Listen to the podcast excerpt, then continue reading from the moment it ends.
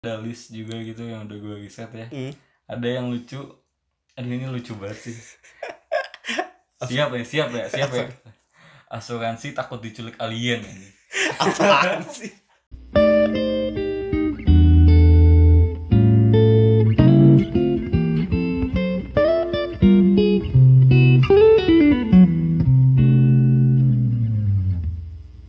Halo halo semuanya. Balik lagi ke 3 SKS episode baru kali ini.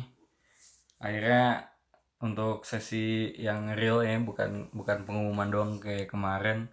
Sekarang untuk kontennya duo 3 SKS balik lagi. Akhirnya setelah sekian lama kita bakal ngebahas lagi tentang topik keuangan.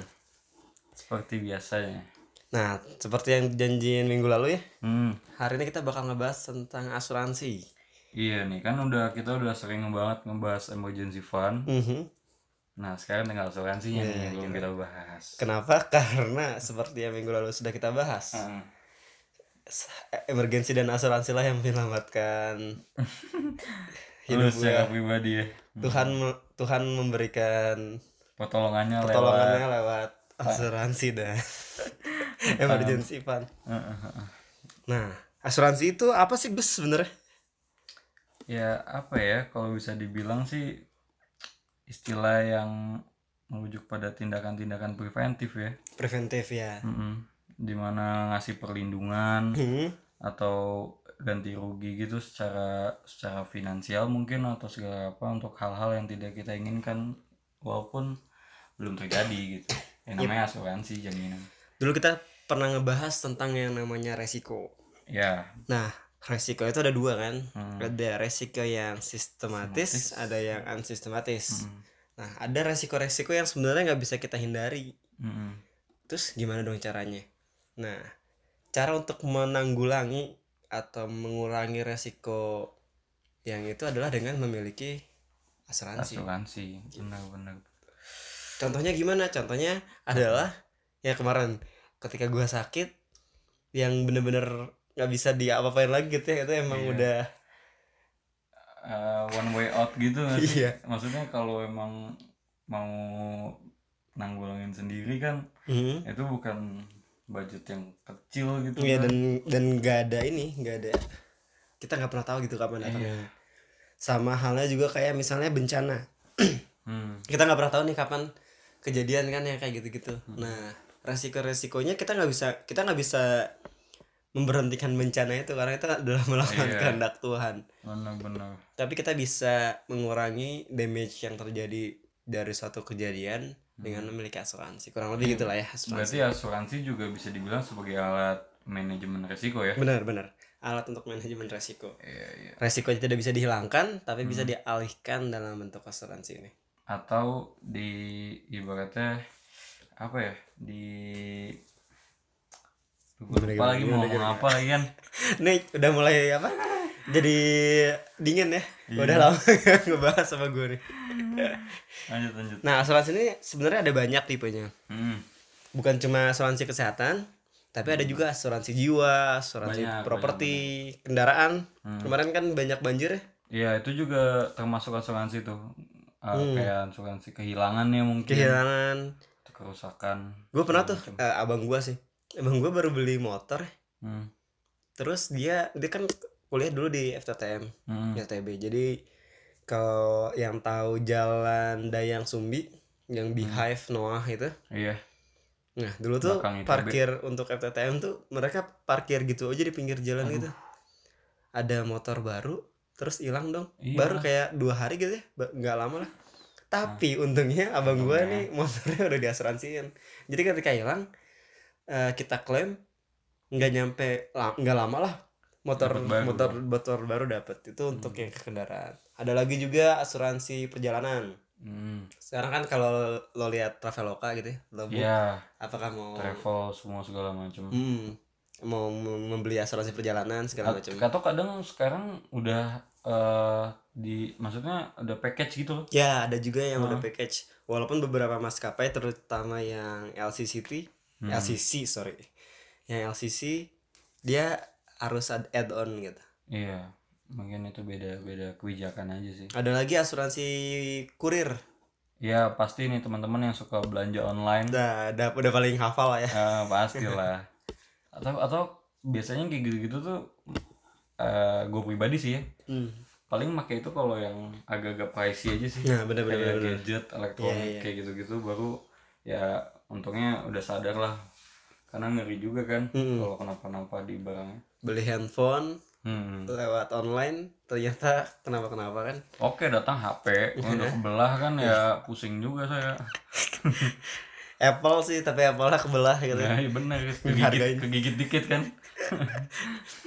terus ada lagi asuransi pendidikan Ah, itu jaminan buat kita dapat pendidikan. iya dan yang tentunya yang sangat-sangat penting menurut gua adalah asuransi kesehatan tadi Iya dan untuk asuransi kesehatan ini nggak cuman buat pribadi sih, hmm? ada kayak maksudnya udah sepackage di berbagai macam event juga biasanya udah bener banget di cover gitu loh.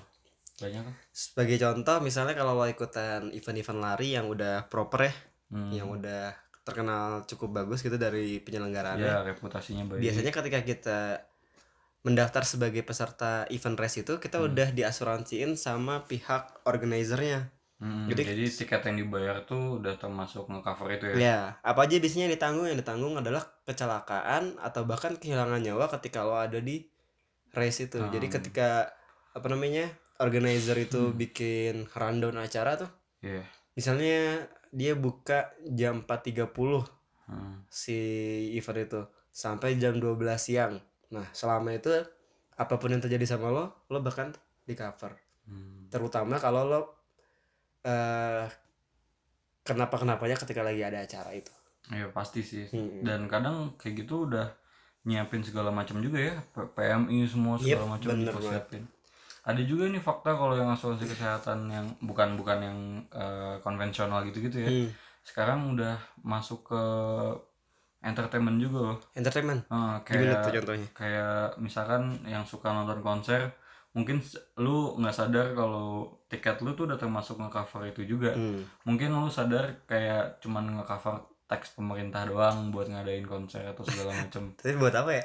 nggak tahu sih gede banget itu kadang Apa, salah kalau lagi konser kaki lo keinjek gitu atau gimana? ya misalkan tiba-tiba panggungnya rubuh kan kita nggak ada yang tahu Gak ada yang kan. tahu ya. Mm-mm. Tapi itu itu jadi daya tarik eh, marketing si ini juga sih Hmm. marketing si providernya buat buat ngasih tahu info asuransi Istilahnya gitu. kalau si event organizernya mikirin kita untuk hal detail gitu, insya Allah beberapa hal yang lain juga Iya. udah bisa di mereka tangani dengan baik ya itu jadi salah satu indikator bahwa kita bahwa kita ngelihat event or- organizer ini adalah event organizer yang punya concern terhadap hal-hal yang detail iya berarti kan gimana apa hal-hal yang gini aja udah bagus gimana konsernya gitu kan. Hmm. iya iya ibaratnya. bener banget. Kemarin kan gue jadi panitia ini Gus Deharan Mm, event apa fun run lari 5 kilo gitu. Mm, gue kan kemarin mikirnya ah event-event gini mah oke lah kita punya sumber daya manusia yang banyak gitu ya. oke.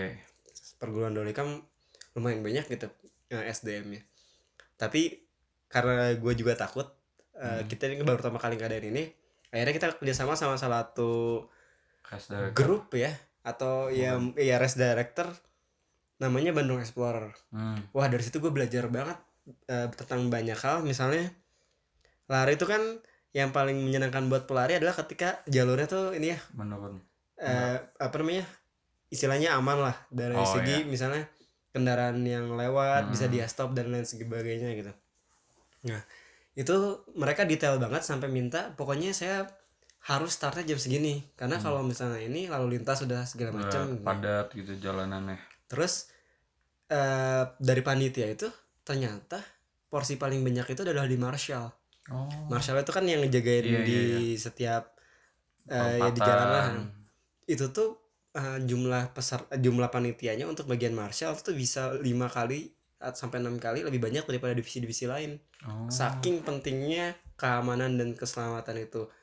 Terus mereka juga udah dilatih dengan baik bahwa kalau ada terjadi apa pun misalnya kayak kram segala macem Hmm. nggak boleh Marshallnya yang menangani secara medis. Oh gitu. Karena kita nggak tahu ilmunya Iya, gitu. takut salah ya. Banyak orang yang krem gitu ya lagi olahraga Hmm. terus kakinya didorong-dorong Hmm. dikasih etil. Ternyata itu tuh adalah apa penanganan yang salah gitu nah menurut gua eh, kita bisa ngelihat juga suatu event itu bagus atau enggak dari hal-hal kecil seperti itu apakah dia Hmm. memperhatikan kesehatan kita atau enggak gitu banyak sih sebenarnya kalau dipikir-pikir di sekitar kita tuh yang udah termasuk asuransi segala macam hmm.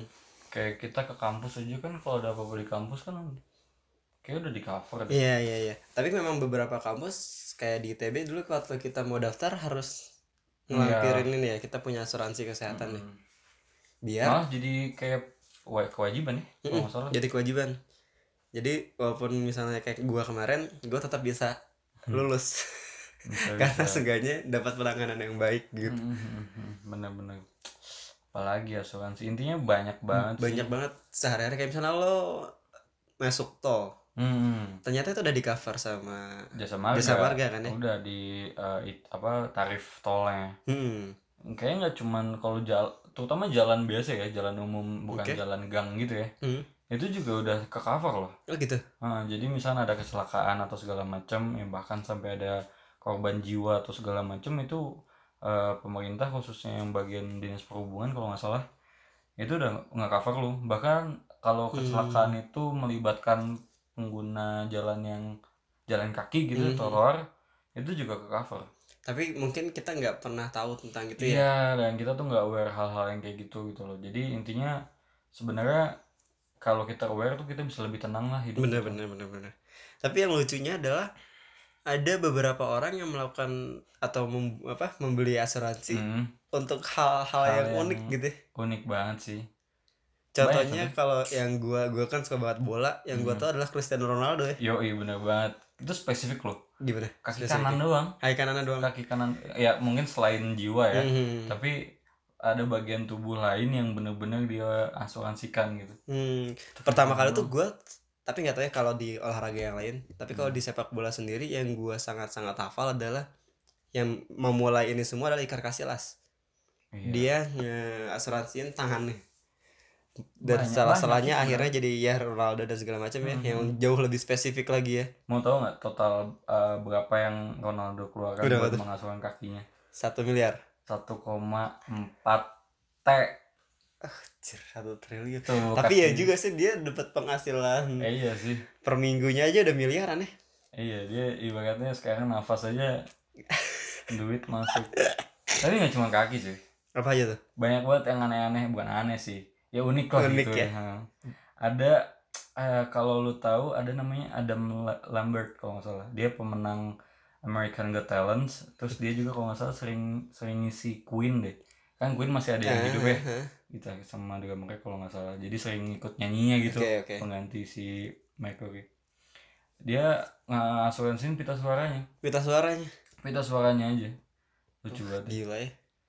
Lumayan juga nih nominalnya tuh ratusan m kalau nggak salah. Terus terus apa lagi tuh? Banyak sih gue ini ada list juga gitu yang udah gue riset ya. Hmm. ada yang lucu. Aduh ini lucu banget sih. Siap ya siap ya siap ya. Asuransi takut diculik alien ini. Apaan sih? Ini serius deh. Sumpah. Ada ini kalau yang gue baca ya ada eh, artis nggak tahu di Amerika kayaknya. Artis? Namanya Shirley MacLaine. Hmm? dia memiliki teraneh gitu ya asuransi teraneh. ya. Sampai nominal asuransinya itu 250 m.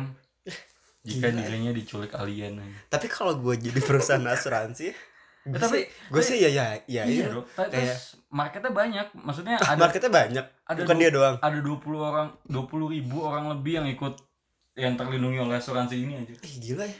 Gue kalau jadi perusahaan asuransinya seneng le iyalah. Maksudnya aduh.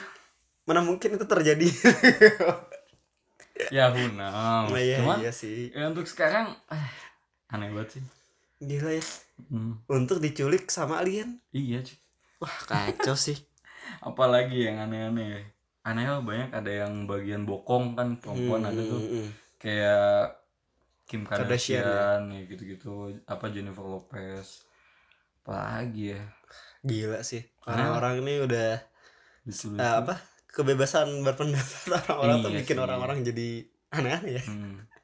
tapi mungkin wajar kali ya karena untuk untuk mereka mereka yang entertain kan itu aset berharga ini mereka Iya iya iya.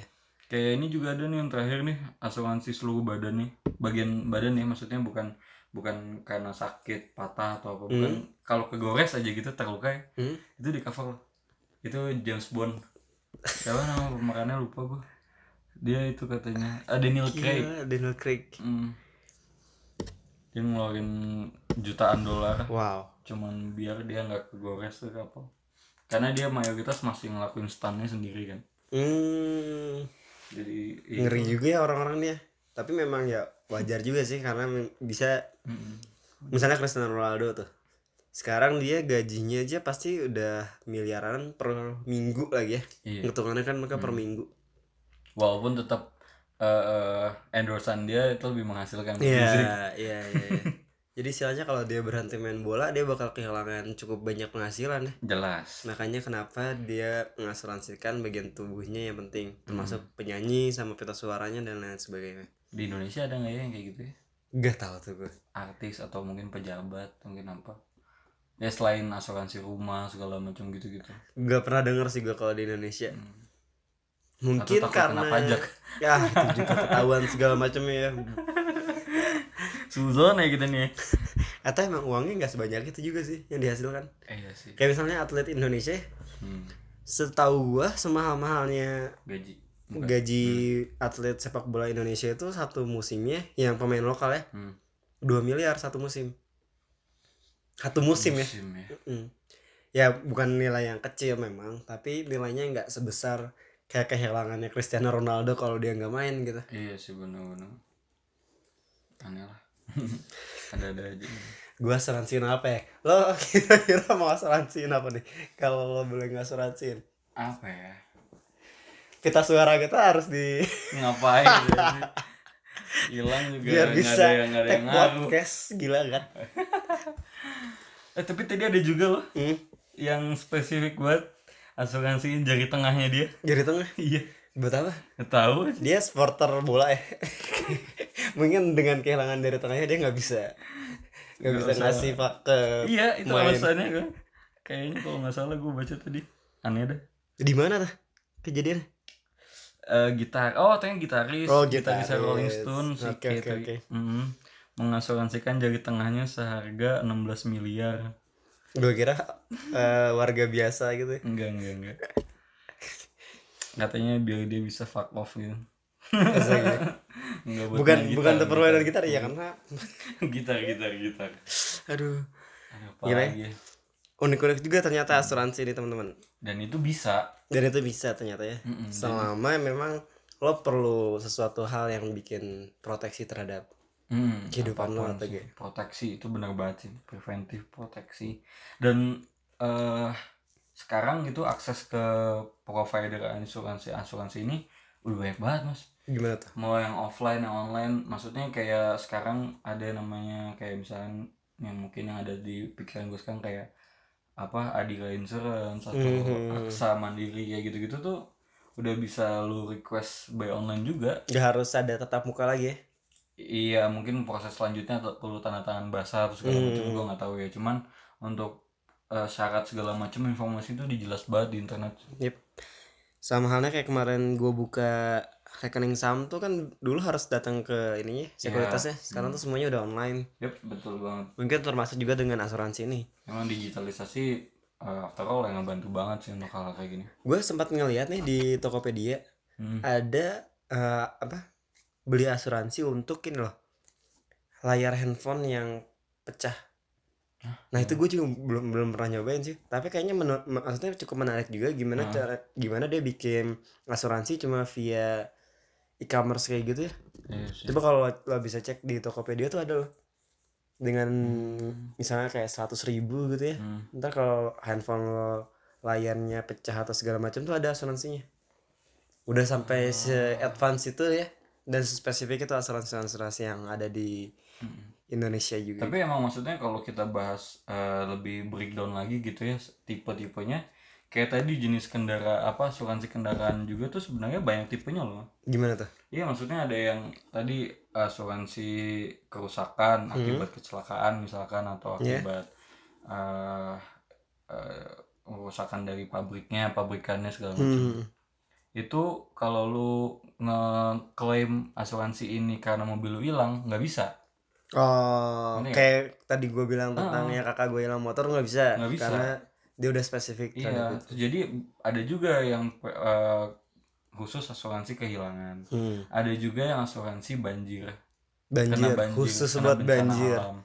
karena ma- banyak kemarin dia udah uh, Jakarta tuh ada kasus gue baca dia nge- coba ngeklaim padahal dia punya asuransi kehilangan Hmm. sama asuransi kerusakan tapi dia nggak bisa ngeklaim karena dia nggak ngecover ini Ah. asuransi kena bencana alam itu Berarti ini jadi pelajaran juga buat kita bahwa kalau kita mau bi- mau beli asuransi, Hmm. kita harus lihat tuh si term and conditionnya, polis eh. polisnya, Hmm. sehingga ntar premi-preminya bisa kita dapetin ya kan. iya benar banget Jangan sampai kita, oh ini asuransi kesehatan, gue ini ya beli, Hmm. ternyata dia nggak nge-cover penyakit jantung misalnya, dan tiba-tiba Iya, lo kena penyakit benar. jantung, terus lo mau ngeklaim nggak bisa. nggak bisa Jadi sebelum kita beli apa namanya polis asuransi itu kita harus tahu lah bener-bener si term and conditionnya ya. bener banget dan apa secara nggak langsung gitu ini juga jadi kayak bentuk investasi gitu Hmm. Jadi kita harus benar-benar spesifik dan tahu produknya gitu Iya. apa yang kita mau ituin Namun sekarang ada satu produk asuransi yang cukup menarik Gus hmm. karena dia mengcover semua dan dia menggabungkan asuransi kesehatan dengan asuransi investasi. oke Kalau pernah dengar namanya unit link. iya iya pernah Hmm. dengar pernah dengar Jadi lo sekali ngebayar premi itu hmm. lo bakal ngebayar premi untuk dua hal. Yang pertama kesehatan atau bahkan mungkin jiwa Hmm. dan yang kedua investasi. investasinya maksudnya dalam bentuk apa Jadi sebenarnya ketika lo nabung nih, lo bisa tarik di tengah-tengah. ah. Kalau ternyata lo masih hidup gitu ya, lo bisa mengubah asuransi ke jiwa Hmm. lo itu jadi tabungan investasi jadi gitu. investasi gitu. oh Yang bisa di top up juga menurut porsinya. Jadi lo nggak nggak cuma bayar premi segini, tapi lo bisa top up buat investasinya. di luar eh, premi yang Hmm, ditentuin gitu. Iya.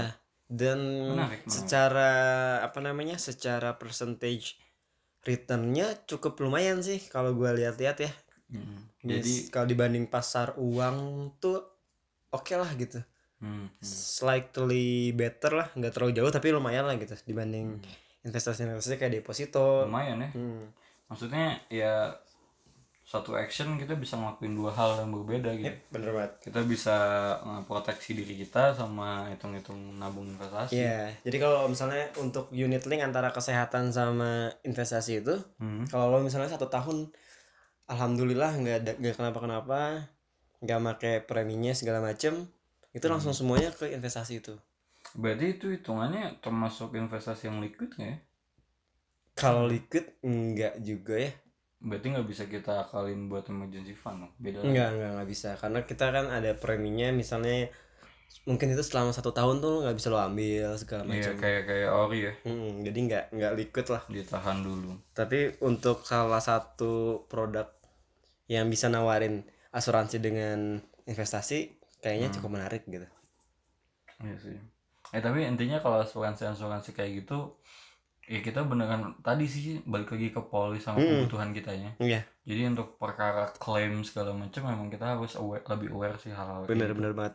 Gue dulu kan dulu pernah kerja di Maybank waktu itu gue sih. Hmm. Ketika gue pertama kali masuk, pas lagi mau milih tentang asuransi di Maybank tuh dulu asuransinya pakai Sinarmas kalau nggak salah. Hmm. maksudnya asuransi kesehatan karyawan gitu Hmm. Hmm. pakai Sinarmas. Nah, itu tuh nggak cuma lo lo masuk kerjaan lo, lo dapat asuransi. Hmm. Waktu gue itu, gue dikasih pilihan 8 opsi.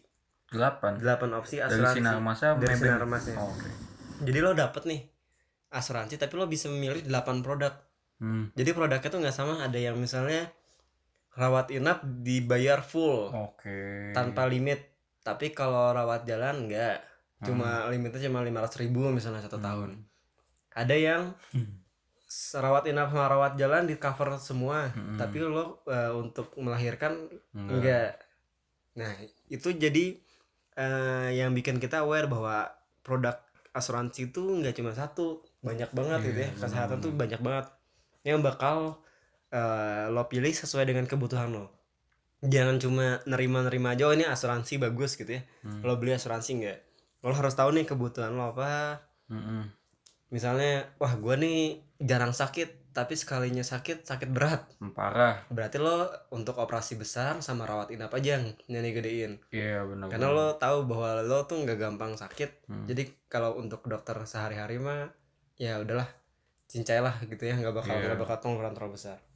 Tapi ada juga tipenya orang yang wah gue sering banget nih sakit nih Hmm. tapi ya sakitnya gitu-gitu aja demam sehari demam sehari. Ada juga nih Masuk yang kayak gitu ya, masuk angin. Nah itu berarti lo rawat jalannya yang digedein. Ya terus obat segala Mm-mm. macam nah, segala. Ya intinya sih know yourself dulu lah. Yep bener banget. Terus eh, sekiranya apa yang bisa lo lakuin buat proteksi diri lu atau apa yang lu punya mungkin tadi kendaraan rumah segala macem ya udah deh lu tinggal pilih. Di Indonesia tuh banyak kok yang trusted walaupun nih kita sering dengar banyak yang Yep. yang bermasalah gitu. Iya, cuman iya. mostly semuanya trusted dan semuanya eh, transparan informasinya jelas. Cuma balik lagi sih kalau sebaik-baiknya si provider ini bakal jelek itu ya kan kalau misalnya kita klaim terus nggak bisa biasanya. Nah, itu kan balik lagi ke ketidaktahuan kita terhadap polisnya yang kita iya pilih. bener banget. Jadi harus lebih teliti ya teman-teman. Kita harus tahu kebutuhan kita apa. Hmm. jangan sampai pas lagi mau klaim eh nggak bisa ternyata Nah itu biasanya repot tuh dan biasanya itu ngerepotin banyak orang kayak keluarga segala Mhm. macem. jadi kalau ditanya Hmm. ke kita nih jadi investasi yang bagus yang kayak gimana bakal kita jawab bahwa yang paling bagus adalah yang tergantung dengan kebutuhan lo nggak ada Iya. satu asuransi yang yang bisa terbaik untuk semua orang. Karena mungkin wah ini asuransi bisa nge-cover semuanya. Tapi nggak baik buat sebagian orang. Kenapa? Karena mahal misalnya. Iya. jadi asuransi yang terbaik adalah sesuai dengan kebutuhan lo semua. Ya dan kalau menurut gue pribadi ya jangan kita jangan pernah ngelihat asuransi itu secara angka nominal gitu loh. Karena pertama relatif, Mhm. kedua tadi kan eh, coverannya beda-beda. iya. Hmm, dan eh, yang ditanggungnya juga beda. Jadi ya jangan jangan terlalu itulah.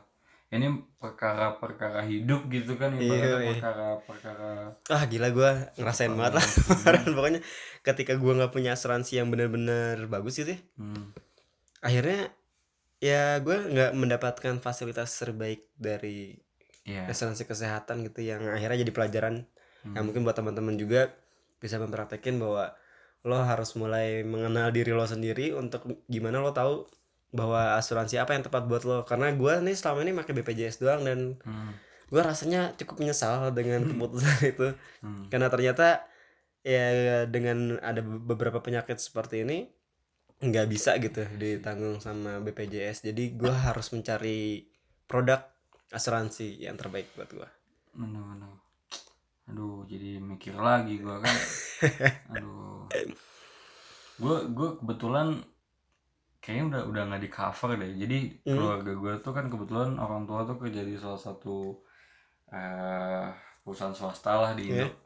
jadi kebetulan anak-anaknya itu cover juga. Mhm. cuman karena gue empat bersaudara dan kebetulan gue udah lulus S1 gitu. Iya iya.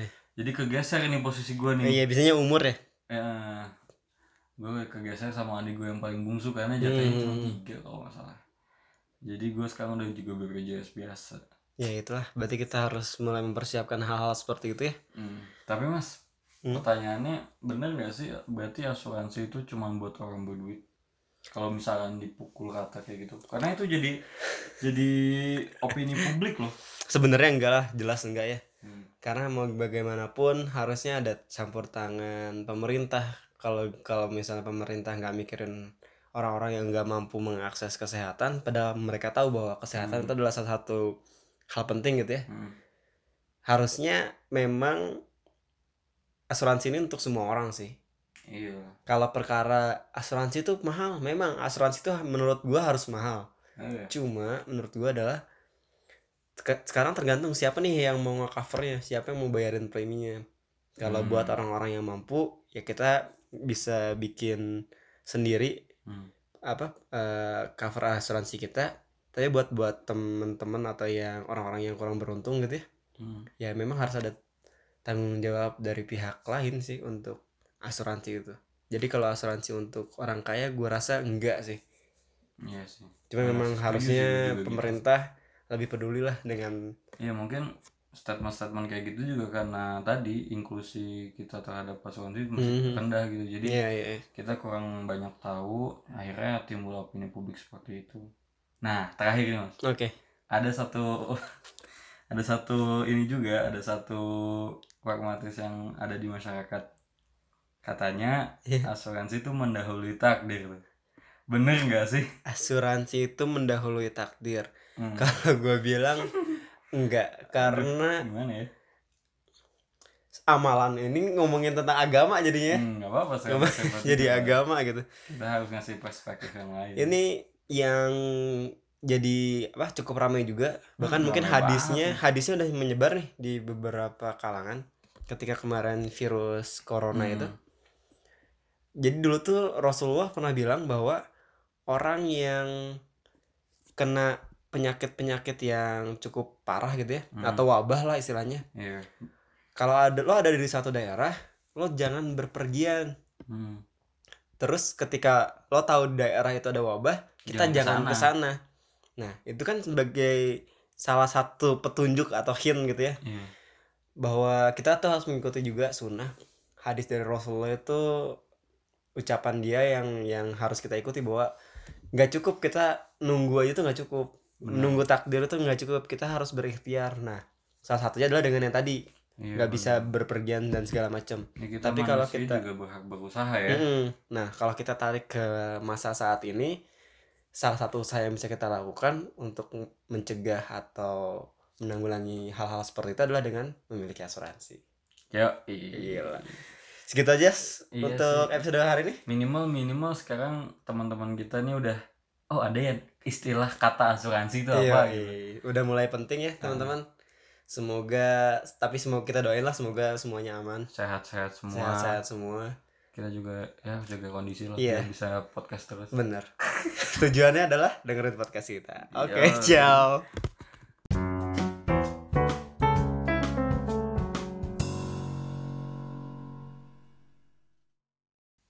Eh, bentar dulu. Udah ambil SKS yang lain belum? Dicek bisa kali.